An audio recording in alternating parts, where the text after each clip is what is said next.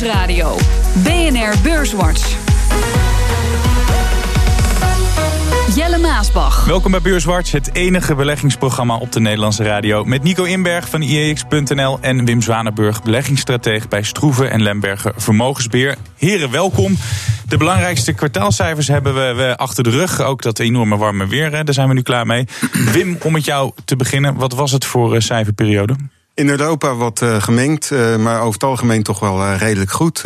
omzetcijfers en winstcijfers die meevielen. Maar vooral in Amerika cijfers die heel erg sterk waren. Natuurlijk vanwege de belastingverlaging. Marges zijn flink opgepept.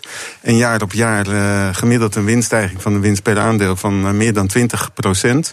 En boven verwachtingen, ook daar ruim. Mee eens, Nico? Ja, het viel mij in Nederland niet heel erg mee, moet ik zeggen. Ik had van Ahold wat meer verwacht. En uh, nou ja, voor de rest, je had een paar meevallers hier en daar, maar een beetje, beetje van dit, beetje van dat.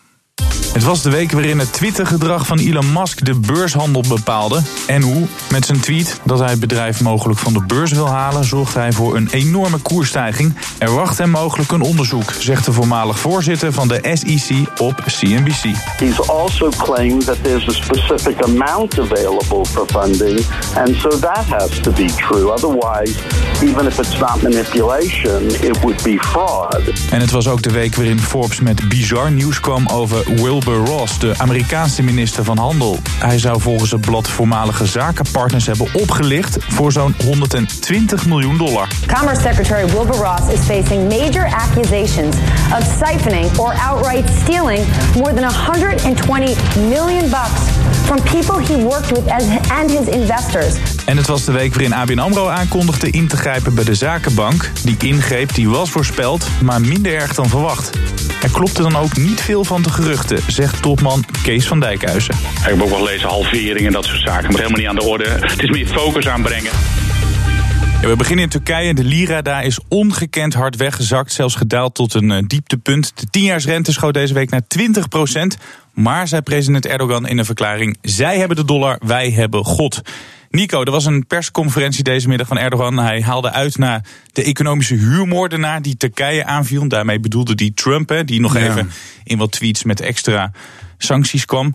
Uh, zijn speech heeft de Lira niet echt geholpen. Nee, het gaat nu hard tegen hard en hij pakt er eigenlijk helemaal verkeerd aan. Maar ja, die man die is, die is zo met zichzelf bezig en zijn positie. Kijk, uh, het enige wat hij moet doen, hij moet eerst de rente verhogen. En daarna moet hij duidelijk maken dat hij niet, de, dat, dat de centrale bank in Turkije, dat hij op zichzelf staat, dat hij eigen beslissingen kan nemen. Maar hij heeft zo'n uh, hij zit overal met zijn tengels aan, zeg maar. Dus dat moet hij niet doen. En als hij dat niet wil gaan doen, ja, dan krijgt hij de markt er niet achter zich aan. En dan blijft het uh, op deze manier doorgaan. En een van die oplossingen, geld, uh, dus wat ze nu hebben liggen in een oude sok, even plat gezegd, ja, dus het goud en de dollars omwisselen voor de lira. Hij zal best veel fans hebben. Hij heeft ook veel uh, Turken in Nederland en in Duitsland en in Europa natuurlijk. Dan misschien dat die wat geld opsturen, maar dat gaat allemaal niet helpen natuurlijk. De, kijk, die mensen in Turkije zelf, die, die zijn ook niet gek. Iedereen die daar geld heeft, die zorgt dat hij het heel snel omzet in dollars of in euro's. Wim, moeten we ons zorgen maken om Turkije, de Europese Centrale Bank, die doet dat wel. Die maakt zich een beetje eh, zorgen. Nou ja, die is uh, een rondje aan het bellen langs de banken wat het exposure is. Ik denk overigens dat dat beperkt is in, in Europa. We hebben natuurlijk handelsrelaties en ook investeringen. Onder andere ING heeft daar de, een behoorlijke kantorennet. Dus ja, dan kan er wel besmettingsgevaar op, optreden. Maar ik denk dat het relatief economisch gering is. Maar politiek is er natuurlijk wel even een, een, een dingetje, om zo maar te zeggen.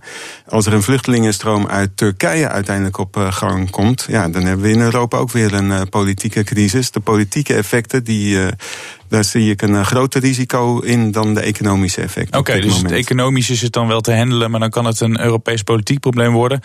ja, want dat was mijn volgende vraag eigenlijk. Of het alleen echt een Turks probleem zou worden, of dat wij daar hier echt ook nog mee te maken zouden krijgen. Maar dat valt dus wel mee, zeg jij.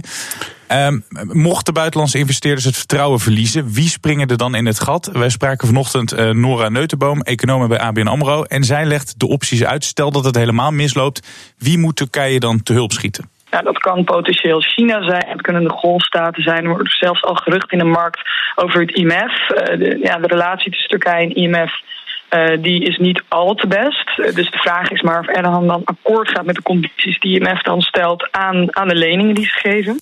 Uh, Nico, met jou te beginnen. Wat denk jij? Nou ja, het wordt best lastig. Kijk, als hij ruzie maakt met Amerika, dan heb, heb je kans dat uh, Trump zegt van ja, wie, wie Turkije gaat helpen, die kan met ons geen zaken doen. Hè? Wat hij met Iran ook doet.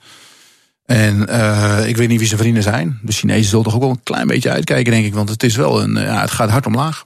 Wat denk jij, Nico? Wie staat met een reddingsboei klaar? Nou, ik denk dat, uh, ja, dat de Chinezen wel uh, te hulp zouden kunnen schieten. Die zullen dat trouwens heel bedachtzaam doen, zijn goede onderhandelaars.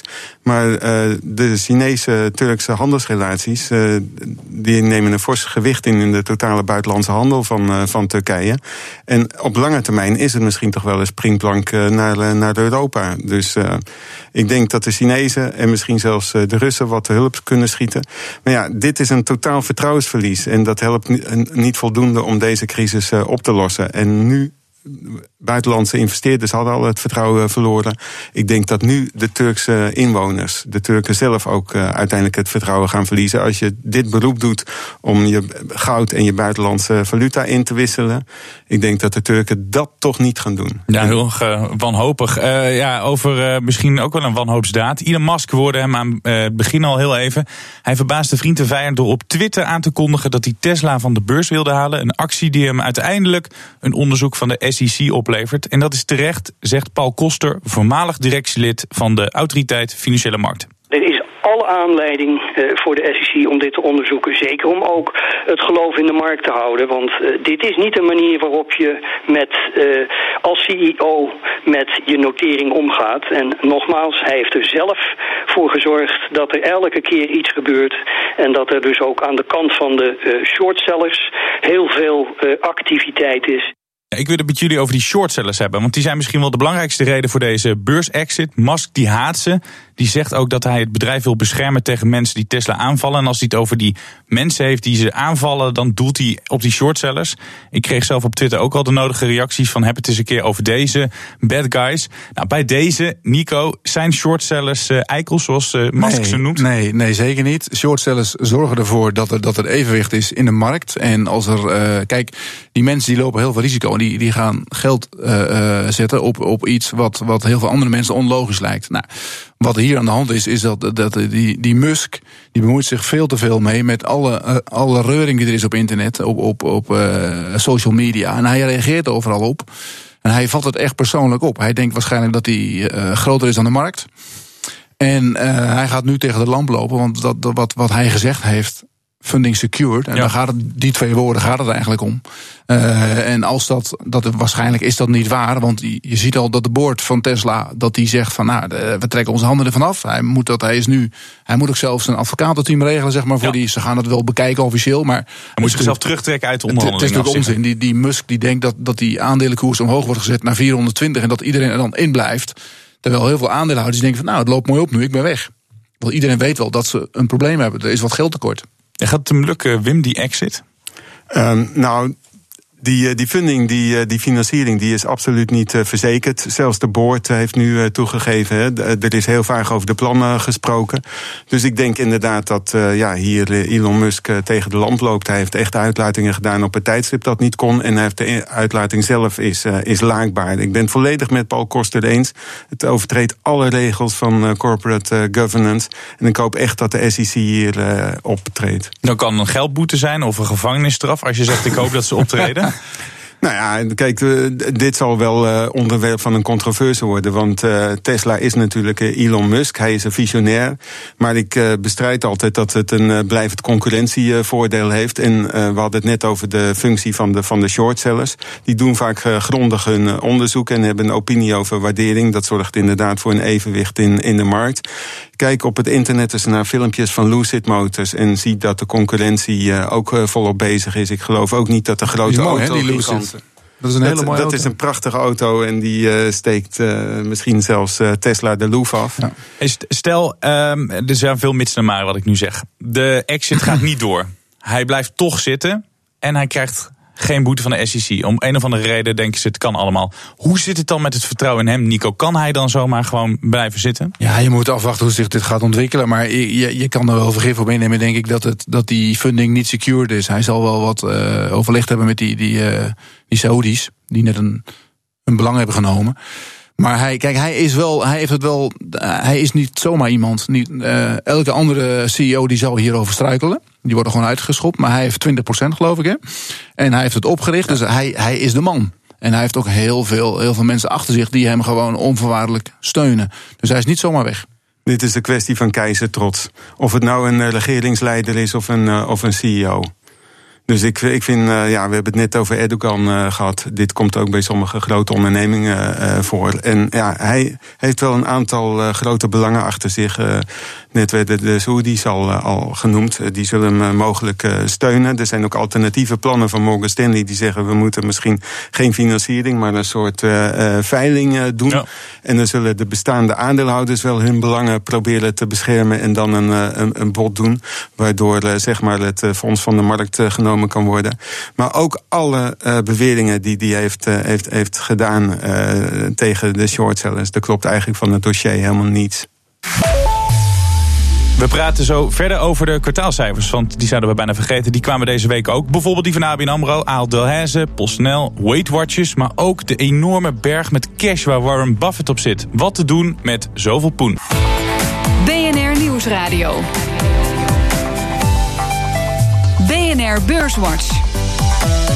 We gaan het zo hebben over good old Warren Buffett. Dat doe ik met Nico Inberg van IEX.nl, Wim Zwanenburg, beleggingsstratege bij Stroeven en Lemberger Vermogensbeheer. Maar voordat we dat gaan doen, nog even een korte stand van zaken. De AEX sloot op 562,98 punten. En dit is, om precies te zijn, 1,6% lager dan vorige week. Stijgers.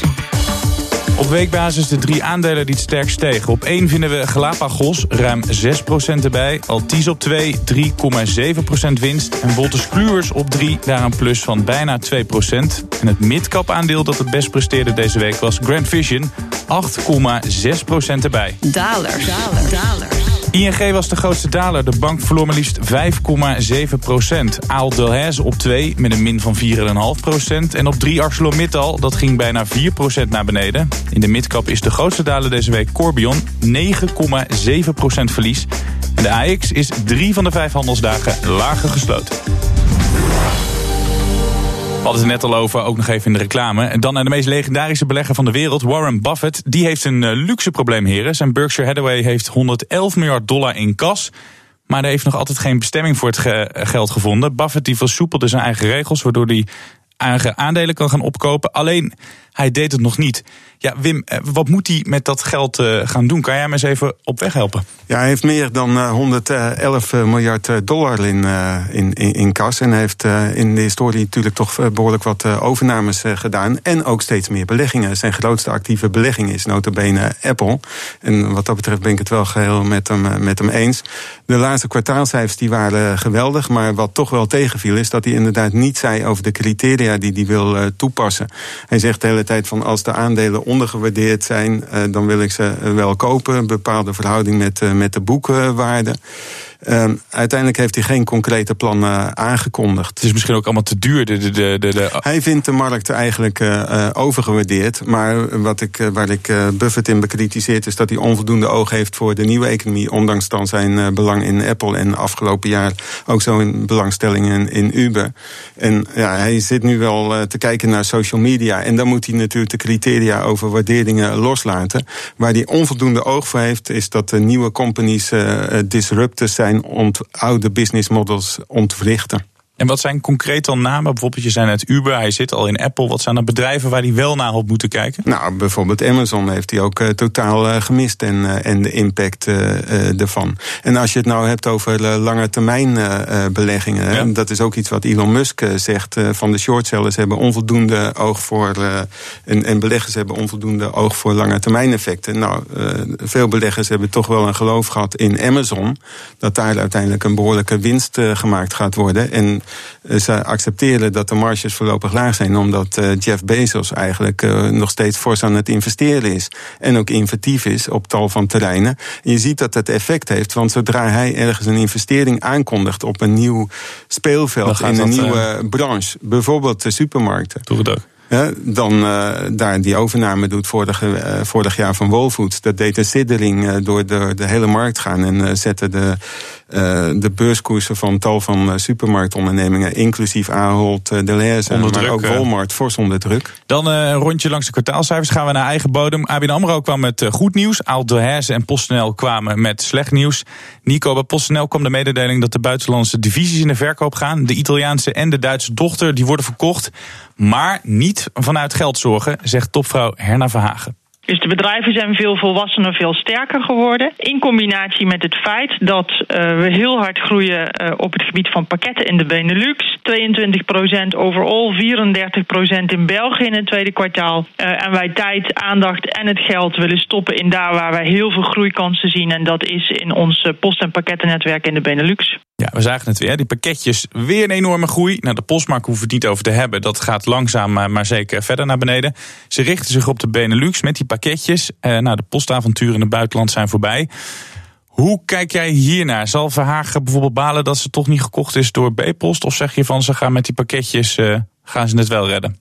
Nou, ik denk wel dat ze uiteindelijk samen gaan met B-Post. Of tenminste, dat, dat, dat lijkt mij heel... Uh, heel logisch. Ik zag ook vandaag de cijfers van B-Post, uh, die waren eerder deze week. B-Post die richt zich ook echt op uh, België en Nederland. Ja, letterlijk zeiden van, ja, onze, onze klanten zien dat als één geheel. Hè. En, en je ziet ook dat, dat PostNL, die richt zich nu ook op de Benelux. Italië gaat eruit, Duitsland gaat eruit. Maar wat belangrijker is, dat de, de, de, de hele achtergrond waar PostNL nu mee bezig is... met, met het, de consolidatie in, die, in, in de postmarkt... Daar, daar zitten ze nu op te wachten op, op een sein veilig van de politiek, dat het echt mag. En dan gaan ze Sand waarschijnlijk overnemen, of in ieder geval uit de markt drukken. Maar ik neem aan dat ze die gaan overnemen. Daar komen ze wel uit. En zij doen nu eigenlijk hetzelfde in Italië en Duitsland. Want in Italië zijn ze nummer twee en in Duitsland geloof ik iets minder dan zelfs. Maar ze, de, door nu aan te geven van kijk, we gaan daar weg en we gaan daar weg, want we zien daar geen toekomst voor ons. Want uh, uiteindelijk gaat daar ook één iemand het winnen. Kijk, je ziet die, die die post bij ons die daalt met 11% elk jaar zo'n beetje. En dat nu is Nederland een heel digitaal land al. Uh, zeker als je het vergelijkt met Duitsland en Italië. Dus dat zit er daar ook nog aan te komen. Dus ik denk dat het, als ze nu nog een beetje geld voor kunnen krijgen, dat het op zich wel verstandig is. En ze kunnen zich dan focussen op hun eigen markt. Wat vind jij van zo'n bedrijf als, eh, als PostNL, Wim? Volg je dat?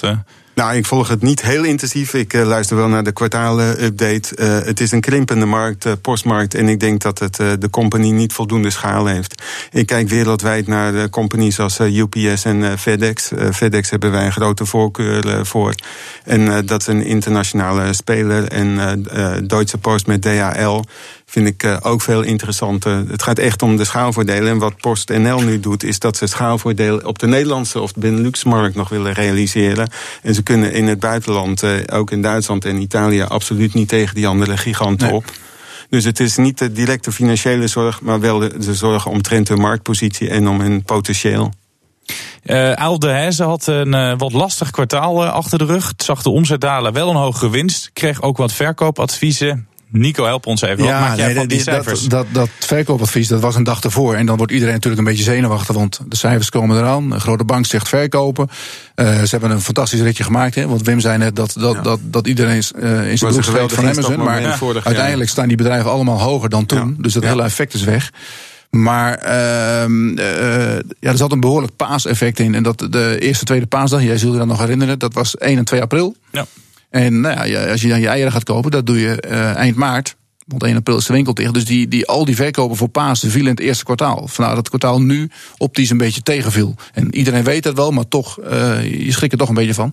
En uiteindelijk viel mij de cijfers uit. Het viel me ook niet mee, maar het was ook niet. niet uh, maar heel chauvinistisch zeg ik dan, de Nederlandse markt die sprong er vooral uit. Ja, en je zijn ze goed in. Nee, ze, ze doen het uh, met Albert Heijn nog steeds heel goed. Met ja. Bol.com ook. Maar ze hebben echt uh, grote problemen in Amerika... waar de concurrentie uh, moordend is met de supermarkten. Online strategie, ik, nou, die het niet goed doet? Dat is ook nog iets waar ze moeten, moet, fors moeten investeren. Maar ze hebben last, uh, notabene de Aldi's en de Lidl's... die zijn ook actief op de oostkust in, in de VS. En je hebt natuurlijk Kroger en we hebben Wolfoods al even genoemd. Ik denk niet dat Amazon de hele hele markt gaat uh, pakken. Maar wij hebben na een mooie uh, rit uh, op, van Ahold Delhaize... hebben we eigenlijk wat posities teruggebracht. En uh, ik vond de, deze tegenvallen niet helemaal uh, uit de lucht komen vallen. Ja. En zoals het FD schreef, er is nog fors werk aan de winkel voor Muller. Aan de winkel. Ja, en over die verkoopadviezen, Nico. Ik las een, een, een, analyse van Berenberg. Daar hadden we het over. Die kwam een dag van tevoren. Die zei, ja. er moet acuut moeten 1,6 miljard euro uit mijn hoofd. Er moet in ieder geval meer dan anderhalf miljard moeten bij. Vanwege de problemen. Ze moeten wel investeren in, in Amerika. Kijk, in Amerika hebben ze wel... Wat ze wel goed hadden, is dat ze in Amerika als een van de eerste... een, een, een bezorgservice hadden. Dat is dat uh, Peapod. Die doet, die doet het best goed. Maar dat is qua omzet niet zo heel groot. Maar voor de rest hebben ze niks online. Terwijl al die andere winkels, die hebben ook een online eh, platform bij Walmart. Die heeft uh, ja. dat, uh, Jet.com geloof ik gekocht. Of Jet.com. Nou, Amazon natuurlijk heel groot. Maar ook die andere winkels zijn. Iedereen is aan het investeren. Omdat iedereen wil, wil, je wil gewoon alles aanbieden. Omdat je niet precies weet hoe die consument over tien jaar zijn boodschappen gaat doen. Je moet eigenlijk alles hebben. En uh, daar lopen ze misschien wel een klein beetje achter. En in Amerika zijn ze natuurlijk geen marktleiders. Ze hobbelen daar een beetje mee. En, en uh, in Nederland en België, daar kunnen ze het wel aan. Hier, hier maken ze de dienst uit. En in België straks ook.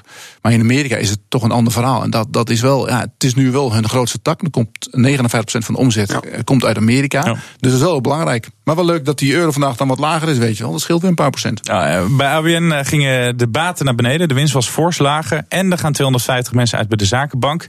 Altijd bij elkaar zou je zeggen slecht nieuws. Toch ging de koers door het dak. Um, wat deed ABN dan zo goed, uh, Wim? Nou, uiteindelijk uh, was de ingreep niet zo uh, dramatisch als in, in, in de pers werd aangekondigd. mijn eerste idee was ook dat we zich terug zouden trekken uit investmentbanking, uit het echte zakenbankieren, maar dat, dat blijven ze toch wel doen. ze kijken echt per niet per divisie, maar ook per afdeling naar, eh, naar de rentabiliteit. En dat vind ik een, eh, een goede, goede aanpak. Maar ja, ABN AMRO, uh, wel een groeistrategie... en die zetten ze in op uh, vermogensbeheer en op uh, private banking. Maar op tal van andere partijen, tal van andere terreinen... komen ze meer dominante marktpartijen tegen. Maar eens, ja, Nico? Ja, mag ik er één ding over zeggen? Ik word een beetje moe van het gezeur over die zakenbank steeds. Het FD die, die dacht een scoop te hebben... En het, gaat helemaal nergens over. Het gaat, gaat, misschien om 200 banen of zo, weet ik veel. Dit is, dit is niet eens nieuws. En, uh, ja, 10% goed. van de mensen die er werkt, die zijn baan verliest. Ja, van, van, van dat zakenbankje. Nou, dat, bedoel, dat gaat allemaal gewoon door. En uh, ze hadden hartstikke mooie cijfers. Nou, de staat heeft nog een groot belang. Dus die komen binnenkort waarschijnlijk weer als die koers weer wat oploopt. met, met, met, met een uh, plukje naar de markt. En uh, ze doen het best goed voor een bank. Gaan we naar de Amerikaanse beurs. Tenminste, iets wat mij daar opviel. Weight Watchers. We kennen allemaal het Oprah-effect. Sinds dat de talkshow-legende in het aandeel zit, gaat het heel erg goed met Weight Watchers. Maar het blijft ook maar goed gaan. Dit jaar is het aandeel bijna 100% gestegen. En dat komt vooral, zegt de topvrouw, door de inzet van influencers. We're seeing great success from six second video up. So you're going to see a lot of Weight Watchers for fall. You're just not going to see it on a linear broadcast. You're going to see a lot of social platforms. You're going to see a lot of storytelling. Ja, Nico, een dik rendement voor beleggers. Door die influencers houden ze de groei vast. Gaan we die ook meer bijvoorbeeld hier in Nederland zien? Dat, dat bedrijven meer influencers gaan inzetten? Ja, dat gaan ze sowieso doen. En dit soort bedrijven zijn daar natuurlijk ideaal voor. Want uh, wat, wat, wat, uh, er zijn heel veel mensen mee bezig. En, en uh, ze kunnen heel mooi een, een soort rolvoorbeeld aanstellen. En ik las wel dat zij. Het bedrijf heeft natuurlijk Weight Watchers. En dat heeft een beetje een, negatieve connotatie. Van ja, jij bent dik, je moet afslanken. Maar ze, ze willen meer toe naar wellness. Dat wordt het nieuwe woord.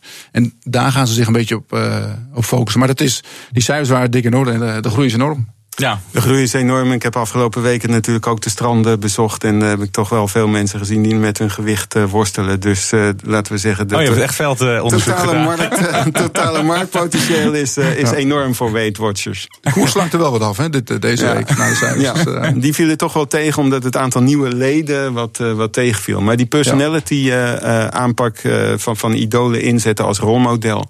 Ik denk dat dat een goede is.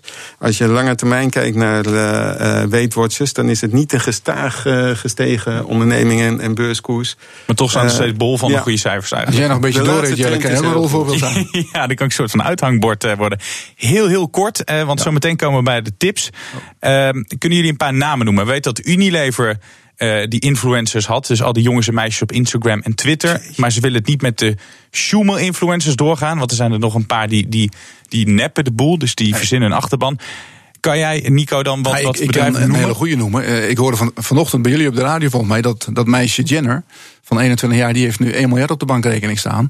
En die maakt reclame voor eh, lipstick en dat soort eh, spullen. Dus bijvoorbeeld bedrijven als LVMH en L'Oreal en zo, die, die, die zoeken dat soort mensen.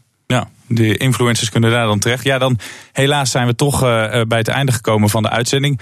Maar toch nog even eh, tot slot wil ik jullie vragen naar een tip. Zoals elke week, welk aandeel, welke obligatie of welke sector. Alles mag je noemen. Je mag er alleen zelf geen voordeel van hebben. Het mag eh, trouwens ook iets anders dan een belegging zijn uiteraard. Gewoon waar beleggers op moeten letten. Wim, laten we dan met jou beginnen. Ja, ik kom eh, terug op een eerdere tip die ik ooit heb eh, gegeven. Dat is eh, Pandora, een Deense juwelier met een internationale keten. Heeft afgelopen week te- teleurstellend toch een winstwaarschuwing afgegeven. Topman ook eh, eruit eh, gegooid. Maar ik denk dat het aandeel eh, veel te hard is af, afgestraft. Is echt gekelderd, wel, ja, is echt, ze, ze blijven wel groeien. En ik vind dat ze eerlijk gezegd een goede strategie navolgen. Ze gaan terug uit de grote warenhuizen en meer eigen vestigingen openen. Ik denk dat er in de toekomst ook vrouwen blijven die zichzelf willen uit blijven dorsen. De groei van de middenklasse wereldwijd. Dus ja, wat zeg maar goedkopere juwelen en sieraden, dat blijft toch wel een lange termijn trend. Nico, onze Beurswatch influencer. Wat voor tip heb jij? Nou, er- zijn op het moment een heel aantal leuke bedrijven die, die je best zou kunnen kopen. Ik noem een PostNL, ik noem een eh, Fugro. Ben ik heel fan van. Olie, olietoeleveranciers moet nu echt een keer gaan lopen. Dus die olieprijs eh, die blijft toch goed liggen. De, de, de verwachtingen voor volgend jaar en de jaren daarna zijn dat die olieprijs omhoog gaat. Daar is iedereen het nu wel ongeveer En over een eens. SBM, dat van de week in één keer. Ja, SBM blijft toch een beetje kijken hoe die in, in het verleden aan hun opdrachten zijn gekomen. Dat is natuurlijk, ja, dat is in Brazilië gebeurd. Daar zijn ze tegen de lamp gelopen. Ja, wie, wie, wie garandeert mij dat dat in, in Afrika en dergelijke eh, niet zo gegaan is? Dus maken we toch wel een beetje. toch wel weer op hogere olieprijzen. Maar of, Ja. ze- of de grote oliemaatschappijen meer eh, onderzoeken en meer eh, eh, services gaan afnemen, dat waag ik nog Ja, als die, prijs, die olieprijs blijft liggen, dan gaan ze dat echt wel doen op termijn. Maar goed, dat, dat, dat is afhankelijk van eh, de olieprijs. Dus dan pak ik een Deense tip, Pandora pak ik eruit. En dan hebben we Fugro slash PostNL. Moet je zelf maar kijken welke van je tips die pakt. Daarmee zijn we echt aan het einde gekomen van deze aflevering van Beurswatch. Ik dank mijn gasten van vandaag. Nico Inberg van IEX.nl. Wim Zwanenburg, beleggingsstratege bij Stroeven en Lembergen Vermogensbeheer. Volgende week is er weer een Beurswatch. Dan is Rob Jansen er weer. Deze uitzending eh, kunt u naluisteren op de website van BNR of via de BNR-app. Heeft u nog vragen, dan kunt u een tweet sturen naar J. Maasbach. Vorige week deed ik een oproep voor mailvolgers. Hè. Apple was door de 1000 miljard grens heen. Ik ben door de 2000 volgers gegaan. Waarvoor dank. Dank voor het luisteren. Tot volgende week. Hoi.